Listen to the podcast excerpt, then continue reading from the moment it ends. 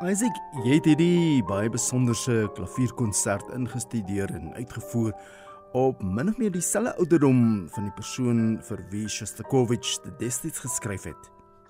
Yes, uh, that is correct. I started learning the piece when I was 19 in I think March of 2023. And of course, Dmitri Shostakovich wrote his second piano concerto as a present for his son, the pianist Maxim Shostakovich, who premiered it at his graduation performance at the Moscow Conservatory when he was 19. There are several aspects uh, to the work that mark it as a gift from a father to his son. And one of these is the inclusion of some finger exercises in the last movement.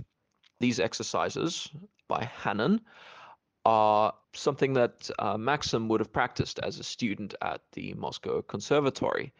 And as any pianist will tell you, hand and finger exercises, while effective, are remarkably boring to practice and even more monotonous to listen to. Maxim would probably have practiced these at home within earshot of Dmitri at times, and they would have formed part of the auditory landscape of the Shostakovich household.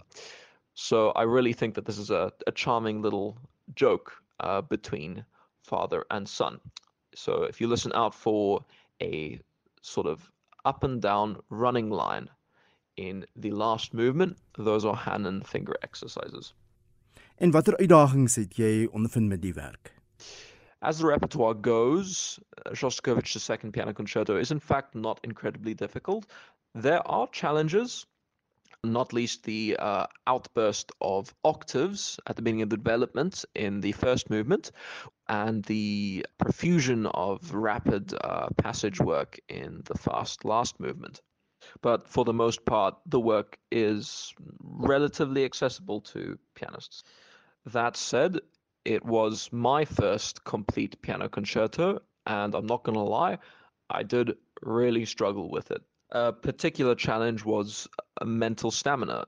Again, the concerto is, as the repertoire goes, not particularly long, but to remain entirely present in the process throughout the duration of the concerto was a challenge.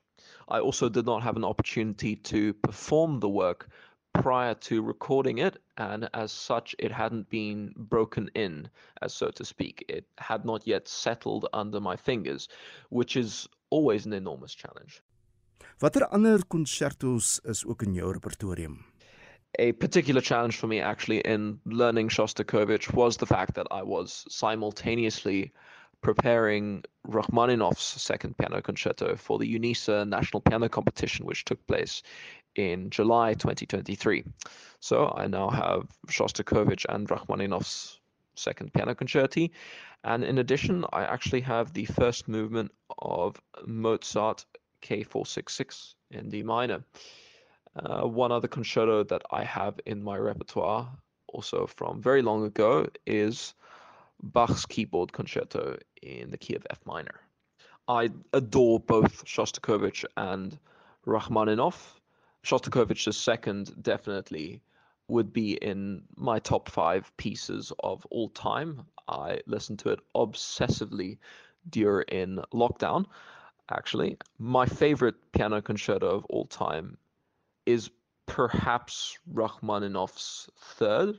It is pretty close between Rachmaninoff's third and Brahms' second, but I would aspire to play Rachmaninoff's third one day.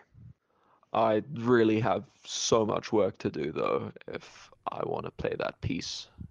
En enige werke op jou wenslysie? In terms of sort of a concrete career plan, I do not yet have a sort of definite path. I am currently in only my second year doing a Bachelor of Music at UCT under Francois du Toit in the end, what you do as a musician is really so dependent on your context, not just how good you are, but how connected you are. A lot can change in the two remaining years that I have in my degree, and I certainly want to study further overseas if I can once I'm done. In addition, I really believe that specialization is the bane of musicianship and that excellent musicians are omnivorous. And as such, I've recently become very interested in composing, and I've yet to see where that will lead me. In terms of a job on my wish list, as you put it, it is definitely a dream of mine to one day be able to write a piano concerto that is worth something and perform it. I'm also quite passionate about music theory. I love being able to look at a piece and to some degree explain maybe a little bit the profound mystery of why it works, of why it touches us the way it does. And as such, music theory is something that I would love to teach one day. So, uh, in short, I would really like to do a little bit of everything. All of the musicians we idolize, Rachmaninoff, Shostakovich, they did everything. They played, they taught, they composed, they conducted. Isaac, jy's 'n relatief jong konsertpianis. Dis 'n uitdagende loopbaan En watter raad het jy vir ander jong musiekstudente wat graag so 'n loopbaan wil volg? That is very, very flattering. I would not call myself a concert pianist at this point, uh, just a pianist that happens to play a few concerts. Um, in terms of advice for other young music students who would like to follow this career, well, uh, don't try to be a concert pianist, just try to be better. Uh, be curious, ask questions of the music, practice a lot an analogy for music that I've been thinking of recently is that of relationship and personhood. Every piece is a person with a character, and it's your responsibility as a performer to engage with its personhood and to be respectful of its u- unique identity and curious about its values, but also to tell it about who you are and put something of yourself and your own personality in that relationship. And of course, if you're angry with it, you won't solve problems with it. So you leave it and you come back to it tomorrow. And it is like loving a human in the sense that it is just as much pain as it is joy, as much work as it is play. And in the end, it's valuable not chiefly because it's pleasurable.